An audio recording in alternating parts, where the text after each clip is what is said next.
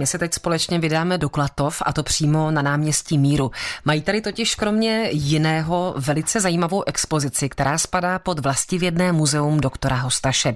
Jedná se o barokní lékárnu u Bílého jednorožce, kam se za zdejší průvodkyní Martinou Salvovou vydala naše redaktorka Kateřina Dobrovolná.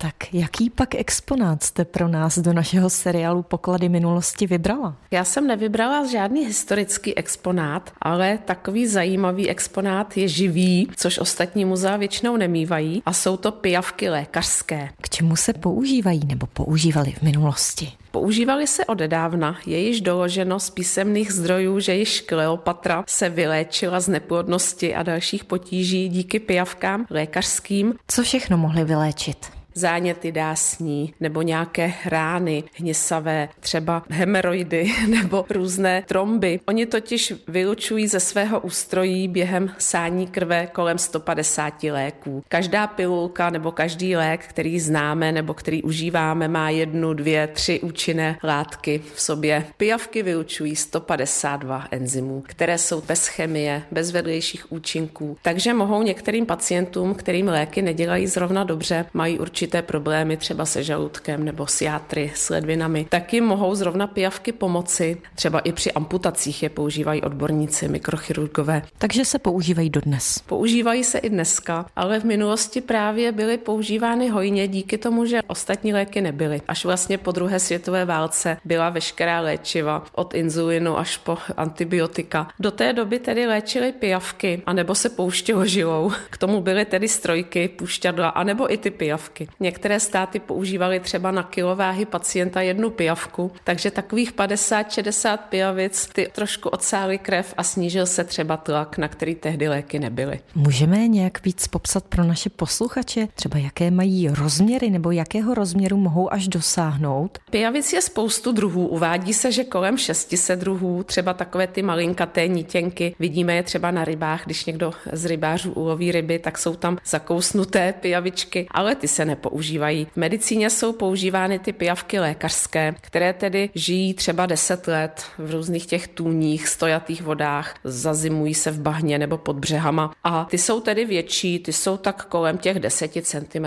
Mají takovou tu kresbu speciální, specifickou, červeno, zeleno, žluto, oranžovo, hnědé pruhy. V jakých podmínkách je tady máte uchovány nebo v jakých podmínkách tady vlastně žijí? U nás žijí v obyčejné vodě, musí být tedy odstátá od chloru, takže si vždycky vždycky načepujeme vodu dopředu, necháme ji tak dva, tři dny v kanistru, aby ten chlor vyprchal a pak tedy měníme vodu, protože oni do té vody vylučují a také si svlékají kůži, takže jim to měníme zhruba jednou za tři dny. Říká Martina Salvová, průvodkyně v barokní lékárně u Bílého jednorožce v Klatovech. Kateřina Dobrovolná, Český rozhlas.